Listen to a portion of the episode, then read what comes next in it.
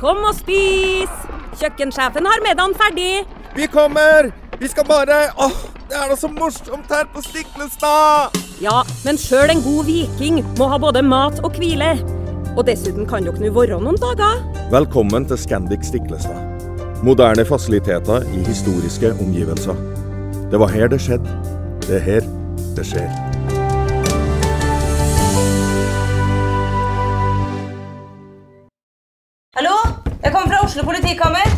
Ine Jansen er purk. Er du purk? The motherfucking bitch. Alt jeg vil, er å finne ut hva som skjedde med mannen min. Jon Carew. Er jeg sikta for noe? Iben Akeli. Det er du.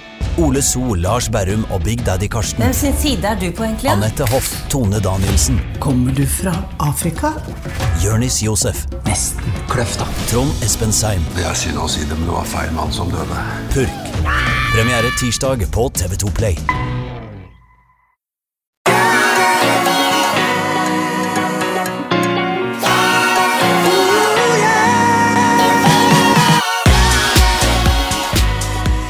Velkommen til podkasten Hjernesterk.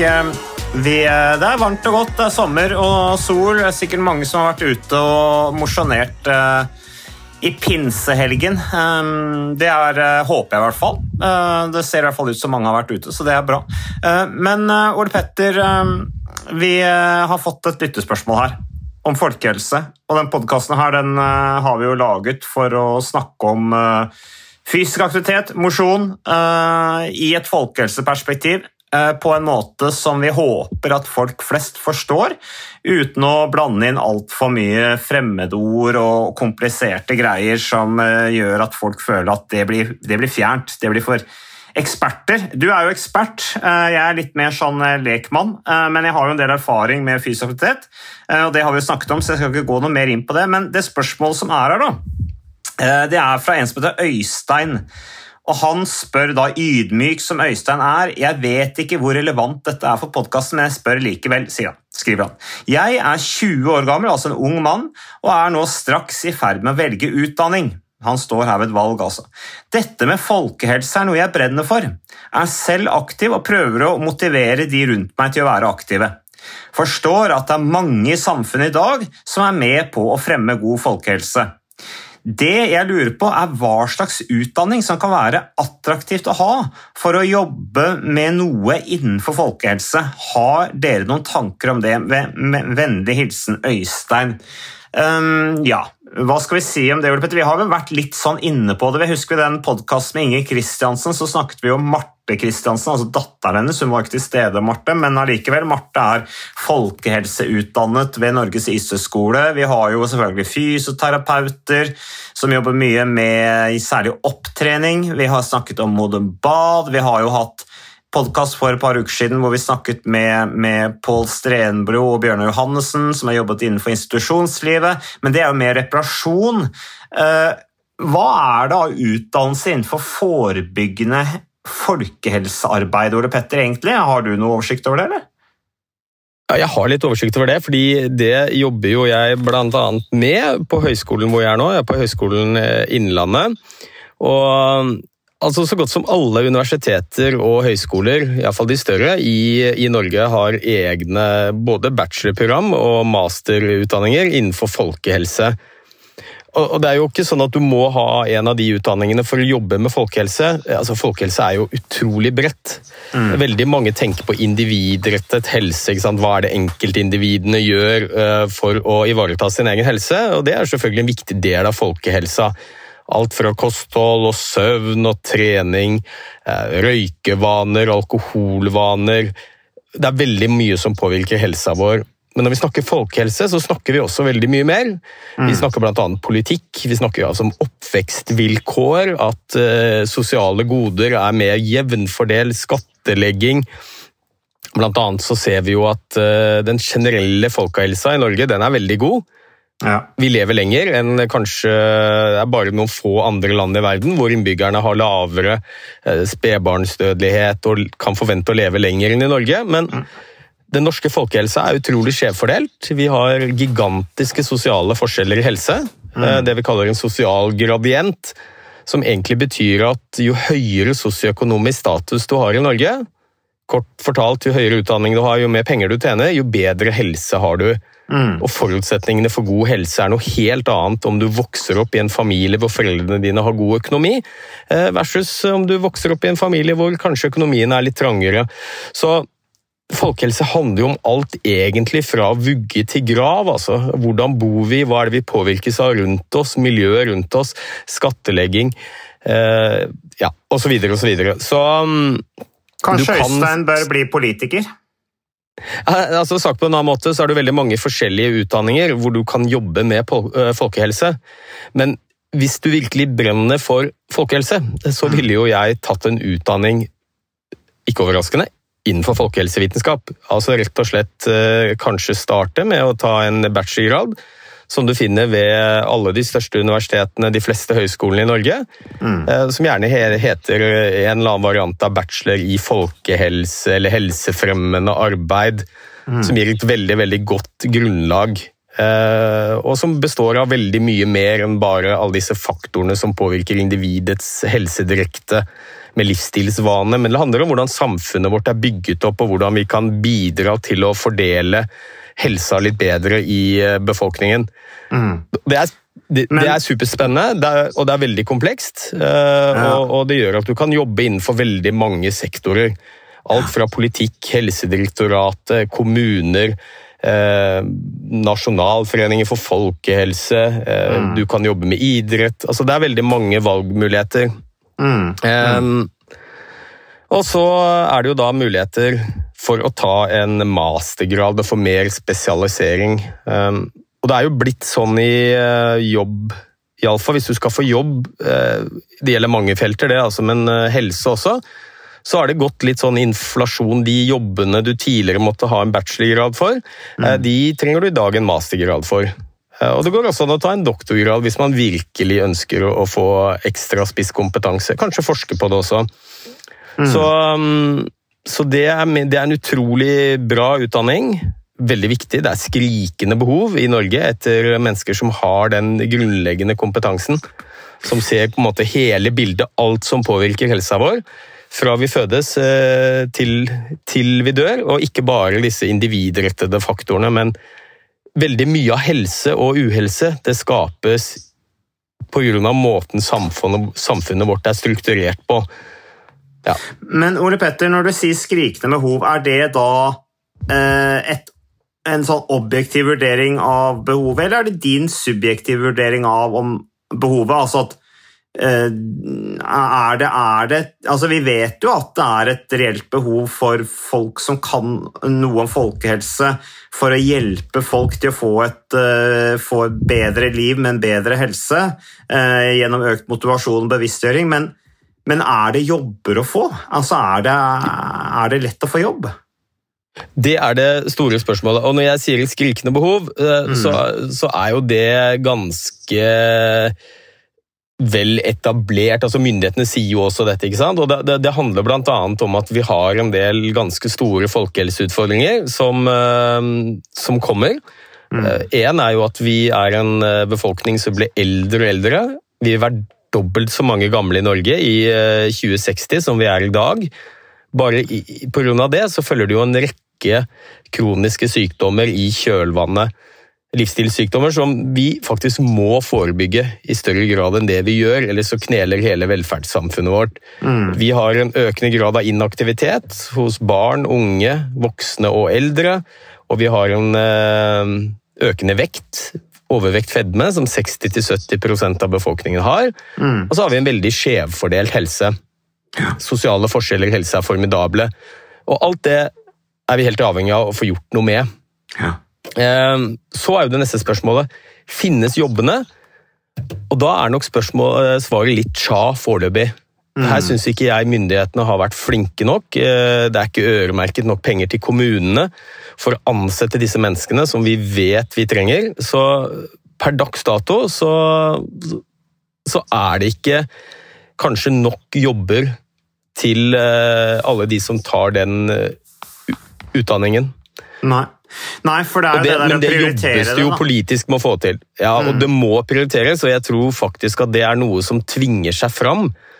Sånn som helsevesenet vårt er laget i dag, så hvor vi bruker så mye penger på reparasjon og såpass lite på forebygging, det er faktisk ikke bærekraftig. Eh, Så veldig mange tiår til før eh, rett og slett det blir så dyrt for oss som nasjon at selv ikke oljefondet vårt vil demme opp i særlig grad for det. Så um, jeg har veldig tro på at dette er fremtidens utdanning, og for all del, det finnes mange jobber der ute, men eh, det bør bli enda flere, og det tror jeg kommer. Mm, mm. Ja. Nei, men eh, bra, Ole Petter. Takk for, eh, takk for hjelp, hjelpen til å svare Øystein på det spørsmålet. Flott at Øystein, ung gutt, ser den retningen og, og har lyst til å jobbe med folkehelse, men som sagt, det er et Ja, det er, der kan det være et vidt spekter altså, innenfor jobber, men lærer kan du også bli. En gym, gymlærer. Jobbe med eller kroppsøvingslærer, som det heter, eh, er jo også noe man kan jobbe med. Men eh, Ole Petter, over til noe annet. Eh, Det er jo folkehelse, dette her òg. Men eh, jogging versus gange. Eh, Du har sendt meg en link til en artikkel eh, på engelsk eh, som, eh, som eh, handler om dette med å, eh, å gå. Altså Overskriften er 'Why it's so hard for most joggers to burn a lot of calories'. Det er altså en eh, engelsk tekst skrevet i Psychology Today. Eh, Du finner den eh, artikkelen på psychologytoday.com, skrevet av Kristoffer Bergland. Eh, Som da har en utøvers synspunkt eh, om, dette her, da. Eh, Hva er det som du syns var så spennende med den artikkelen, Ole Petter? Du, dette er en artikkel som er referert i Psychology Today, som er en web, webside, som er seriøs nok den, men den viser da til en, eh, til en artikkel som er publisert i et internasjonalt tidsskrift som heter Journal of Current Biology. Du, denne artikkelen den eh, gjør at det er noen myter som brister, som jeg tror kanskje kan være in interessant for våre lyttere. Eh, og det er at Vi har veldig lenge trodd at uh, hvis du skal jogge eksempel, eller, eller sykle eller gå, da, så det som avgjør hvor mange kalorier du forbrenner på en økt, det er distansen. Sagt på en annen måte, om du jogger fem kilometer, eller om du løper fem kilometer fort, så brenner du ca. like mange kalorier. Eh, åpenbart så bruker du kortere tid hvis du løper fort. Så du, Man har også trodd at eh, farten du løper på, da, det har ikke noe å si for kaloriforbruket, men det er distansen. Og Så har de nå gjort en eh, ganske stor og veldig robust og fin studie som viser at det er ikke helt riktig. Det de har funnet ut, er at vi mennesker vi, har, vi er litt sånn genetisk kodet til å havne i den farten som gjør at vi kan holde på lengst mulig med kort, minst mulig energiforbruk. Uansett om vi er ute og jogger ti minutter, eh, jogger en time, jogger halvannen time, til og med to timer, så vil kroppen vår automatisk prøve å innstille oss på en fart som gjør at vi kan bevege oss lengst mulig med færrest mulig, eller minst mulig kaloriforbruk. Eh, og det er jo litt uheldig hvis målet ditt med treninga f.eks. er å gå ned i vekt. Og det er jo ganske mange som bruker treningen som et ledd i å gå ned i vekt. Kanskje har de noen helseutfordringer og, og har behov for å gå ned i vekt. Ja, Eller holde Det- vekta. Eller holde vekta. Mm. Så det man har funnet ut, det er at hvis du skal bevege deg på en måte som gjør at du brenner eh, flest mulig kalorier, så må du gi på litt. Mm. Og Det høres kanskje logisk ut, men det, men det har vært en sånn opplest og vedtatt sannhet til at det spiller ikke så veldig stor rolle om du går rolig fem kilometer eller løper fort. Samme kaloriforbruk. Men sånn er det altså ikke. Vi er genetisk kodet til å velge en fart som gjør at vi kan holde på lengst mulig med minst mulig kaloriforbruk. Mm. Og det var jo livreddende på savannene. ikke sant? Da måtte vi jogge etter ville dyr i seks-syv timer. Mm. Vi er den, eh, det dyret på denne planeten som har best utholdenhet. Eh, Og det tror man er fordi man er, vi er genetisk gode til å velge en fart som gjør at vi kan holde på lengst mulig uten å bruke opp for mange kalorier.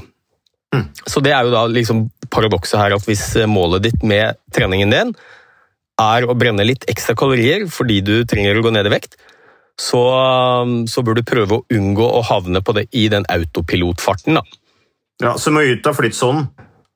Ja, så det det egentlig betyr, eh, og jeg er litt varsom med å, For dette er jo litt sånn vanskelig folkehelsebudskap.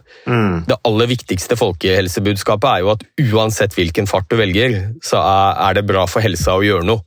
Om du går kjemperolig eller jogger rolig, det er helt supert. Du får en haug med gevinster.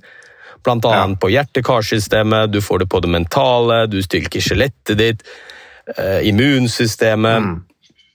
Så det er en haug med gevinster uansett hvilken fart du velger. Men hvis målet ditt er å gå ned noen kilo, eller prestere bedre, det vet jo alle som driver med idrett, så er du nødt til å pushe deg utenfor den komfortsonen. Og det koster litt uh, energi. Ja, eh, vi er jo eh, egentlig litt sånn ute på vi har, vi har jo egentlig aldri vært så veldig opptatt av å sammenligne aktivitet og si at noe er bedre enn det andre. Det har vi på en måte, det har vært litt sånn vedtatt hos oss at eh, all aktivitet gjelder. Kom deg ut eh, og, og, og få mestring. Eh, men, men det er som du sier, altså hvis man skal på en måte komme ha, ha en målsetting om å komme et sted eh, som krever en viss eh, innsats og, og en utvikling, så må man jo faktisk da ut av denne flytsonen, altså hvor, du, hvor det er litt ubehagelig, hvor du blir utfordret. Da. Eh, Og så kan du jo ligge der en viss tid, og så må du inn i flytsonen igjen, hvor du føler mestring. Eh, Og det, Da har det jo skjedd en utvikling. Eh, Min far er veldig glad i å bruke denne flytsonen. Da, ved at liksom, du må ut av flytsonen, jobbe en stund, Ukas annonsør det er eh, HelloFresh. Og eh, hvis du nå går inn på hellofresh.no og bruker koden 'fresh hjerne', så kan du få opptil 1779 kroner rabatt på da de fem første matkassene dine hvis du ikke har prøvd HelloFresh enda.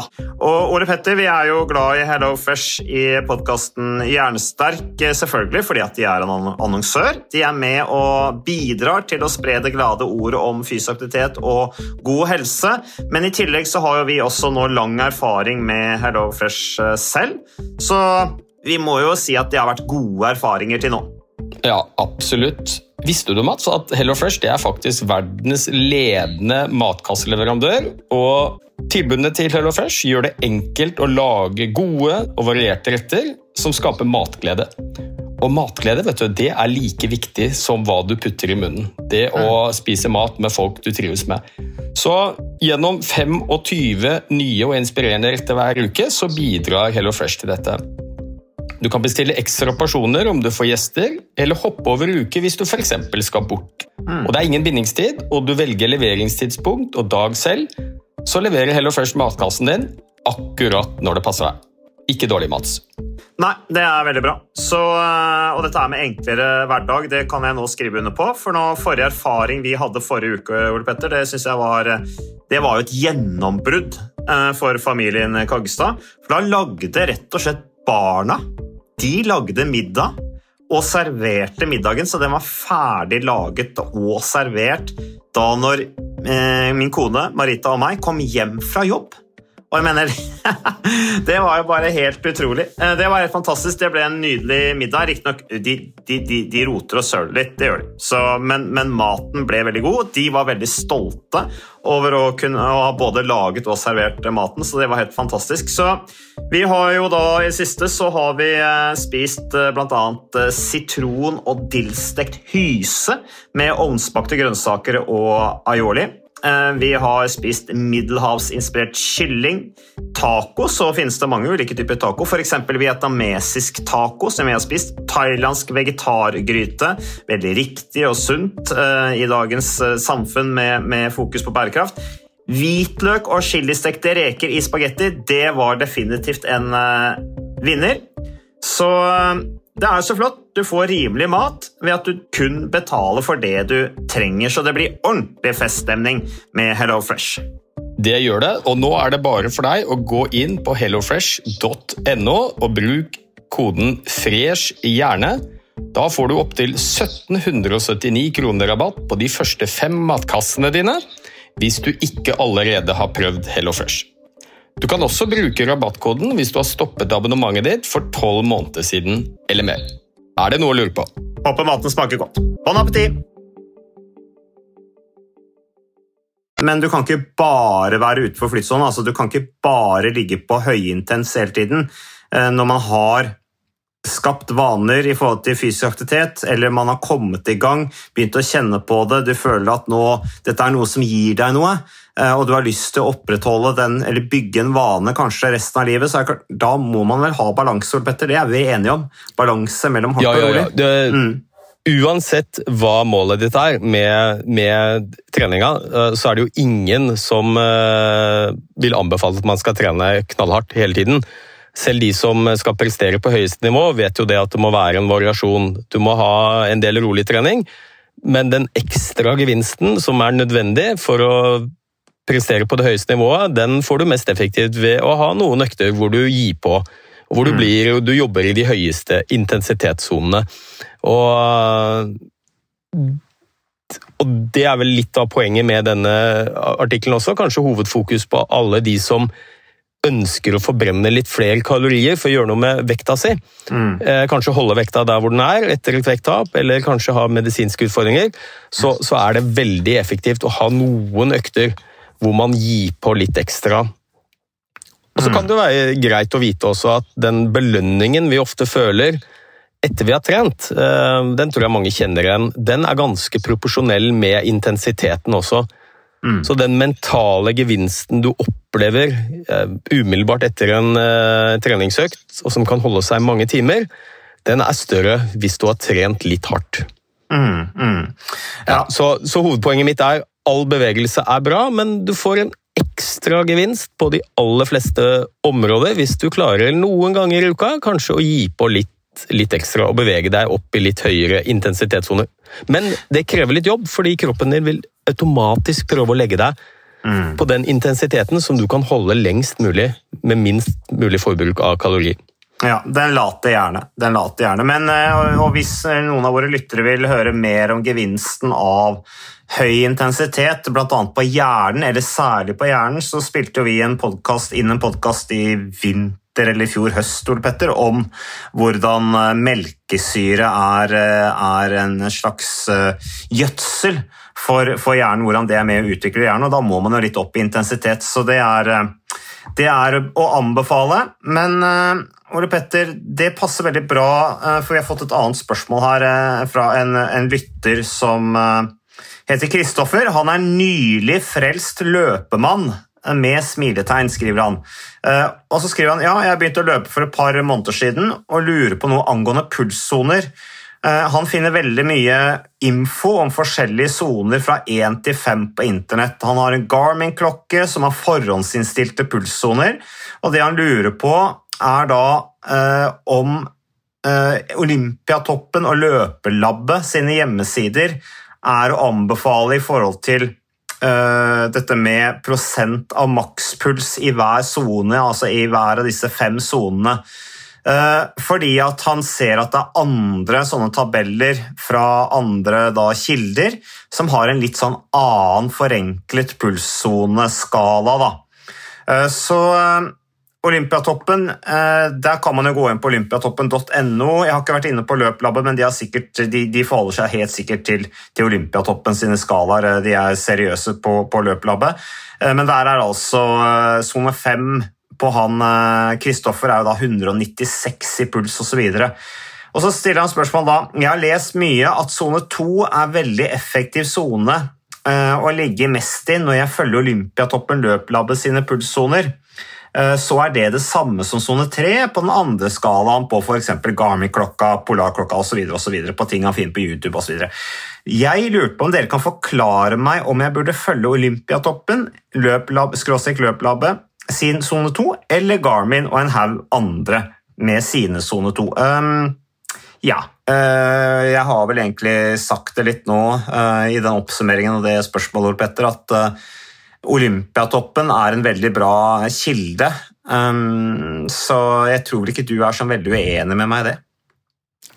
Nei, du, jeg, jeg, er veldig enig i det. Og dette med intensitetssoner det bruker vi jo eh, for å styre intensiteten på treninga vår, fordi vi vet at trening med forskjellig typer intensitet påvirker kroppen på forskjellige måter. Og for noen da, som kanskje har et ønske om å prestere, og som trener mye, så, så kan det være veldig nyttig å bruke disse kall det litt mer vitenskapelige um, intensitetssonene. Og der tenker jeg vel at uh, skal du velge én, så velg den uh, Olympiatoppen bruker. Den er den best Altså, dette er ikke noe helt nøyaktig vitenskap, og det er Nei. grunnen til at intensitetssonene kan være litt forskjellige Mm. fra forskjellige eh, Litt avhengig av hvilken intensitetssone du bruker. Altså hvilken leverandør da, av intensitetssonene. Men jeg vil vel kanskje påstå at eh, Olympiatoppens er den som har best vitenskapelig dekning. Og de jobber veldig seriøst. Og og det er den for øvrig den samme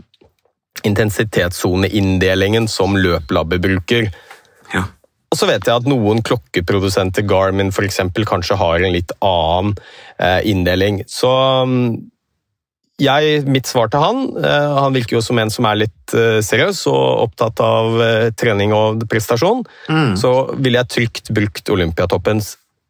Men en ting, hvis du skal bruke disse intensitetssonene, og det skal være et nyttig verktøy for deg, Ja. så er det veldig viktig å, å kjenne til makspulsen sin. Mm. Fordi at alle disse sonene de tar utgangspunkt i hvor mange prosent av din makspuls du trener med. Og hvis du ikke vet makspulsen din, så er disse verktøyene eh, i beste fall veldig unøyaktige og har veldig liten verdi. Jeg kan jo ta et eksempel. Jeg driver og trener mye med en kompis av meg som er like gammel som meg. Han er 52, jeg er 52. Og når vi er ute og trener, og vi f.eks. ligger på la oss si at vi ligger på 150 i puls, da, Mm. så er jeg nesten sånn at jeg ser mannen med ljåen. Mens hadde han ligget med 150 i puls, så hadde det vært pratetempo.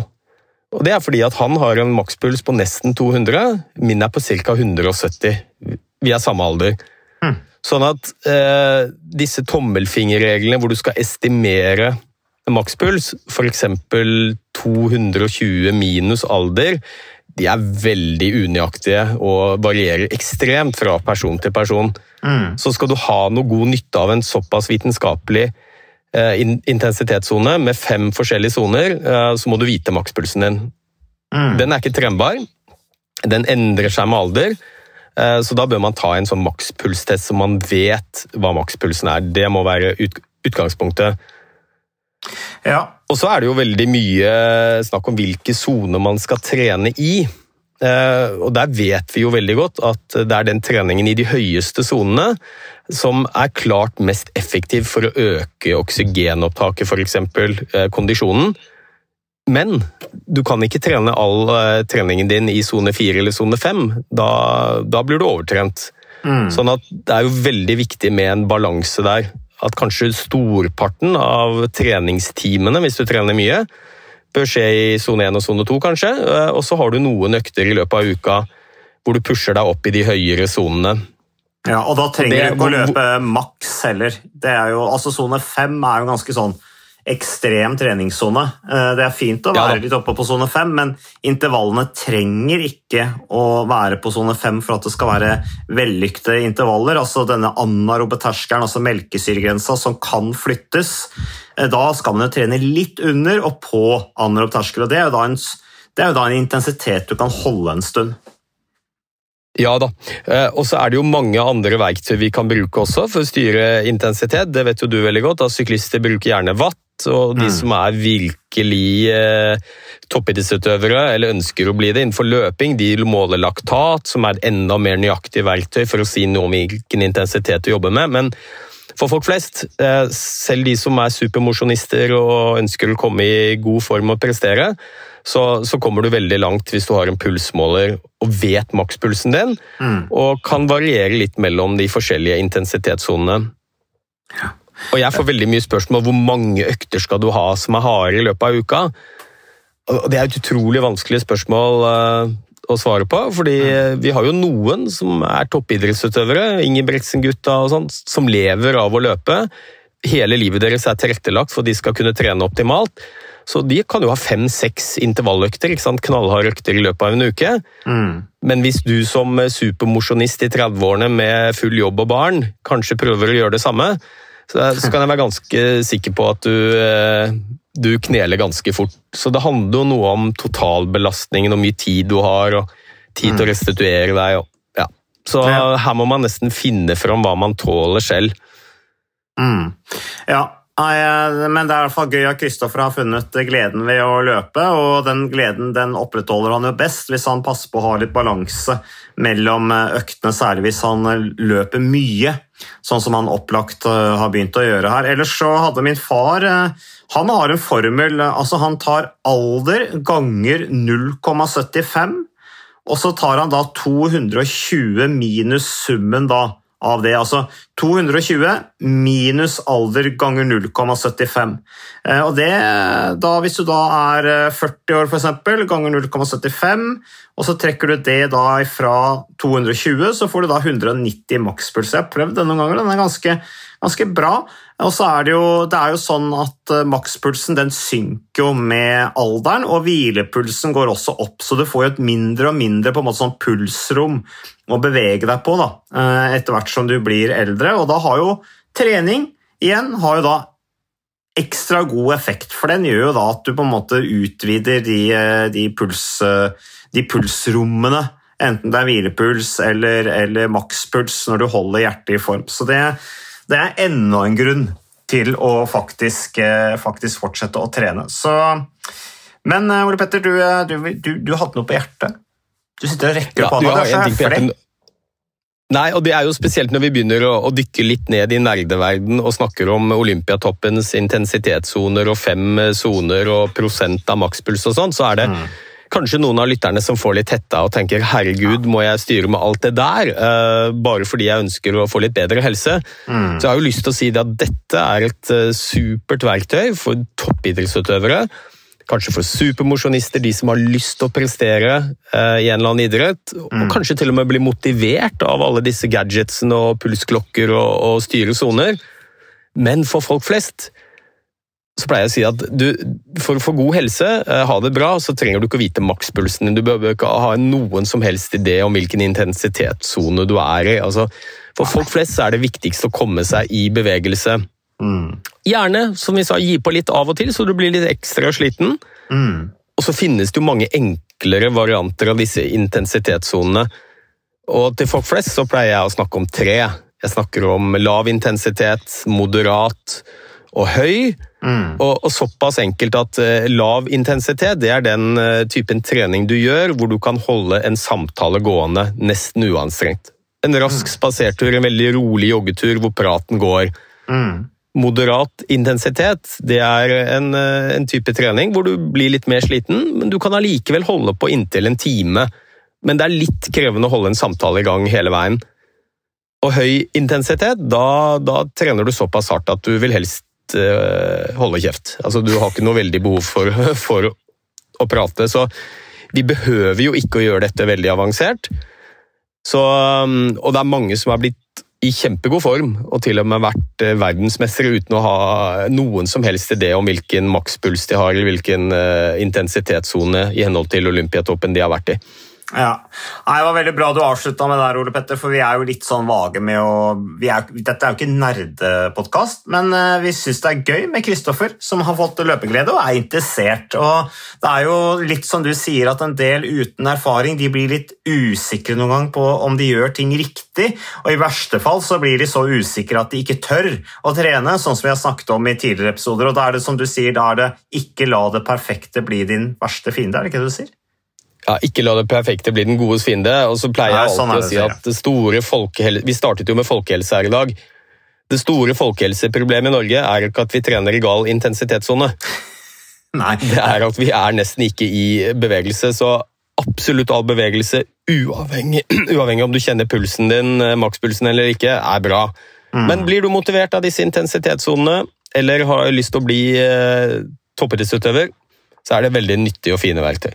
Ja, og så er det som Bjørnar Johannessen sa i en podkast vi hadde for eh, forrige, eh, forrige uke eller uka før at det er betryggende for veldig mange som eh, ikke har mosjonert på en stund og er litt usikre på hvordan de skal gjøre det, å mosjonere eller trene sammen med en som har erfaring. Det er vel kanskje derfor det er såpass behov for eh, personlige trenere rundt omkring også, at det er, det er noe trygt for folk at noen kan fortelle dem at ja, det du gjør nå, Det er ikke feil, det er helt riktig. Så jeg tenker vi avslutter med det, Ole Petter, og så takker jeg for at du har eh, bidratt med å svare på spørsmål. Gode svar har du hatt også, og så takker vi for at du lytter på podkasten Hjernesterk. Vi takker til alle samarbeidspartnere og moderne media, og så er vi tilbake med en ny episode neste uke. Takk for nå.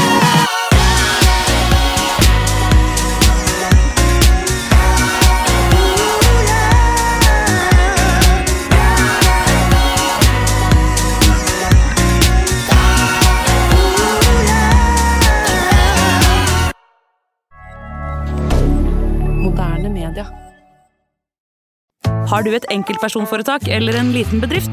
Da er du sikkert lei av å høre meg snakke om hvor enkelt det er med kvitteringer og bilag i fiken, så vi eh, gir oss her, vi. Fordi vi liker enkelt. Fiken superenkelt regnskap.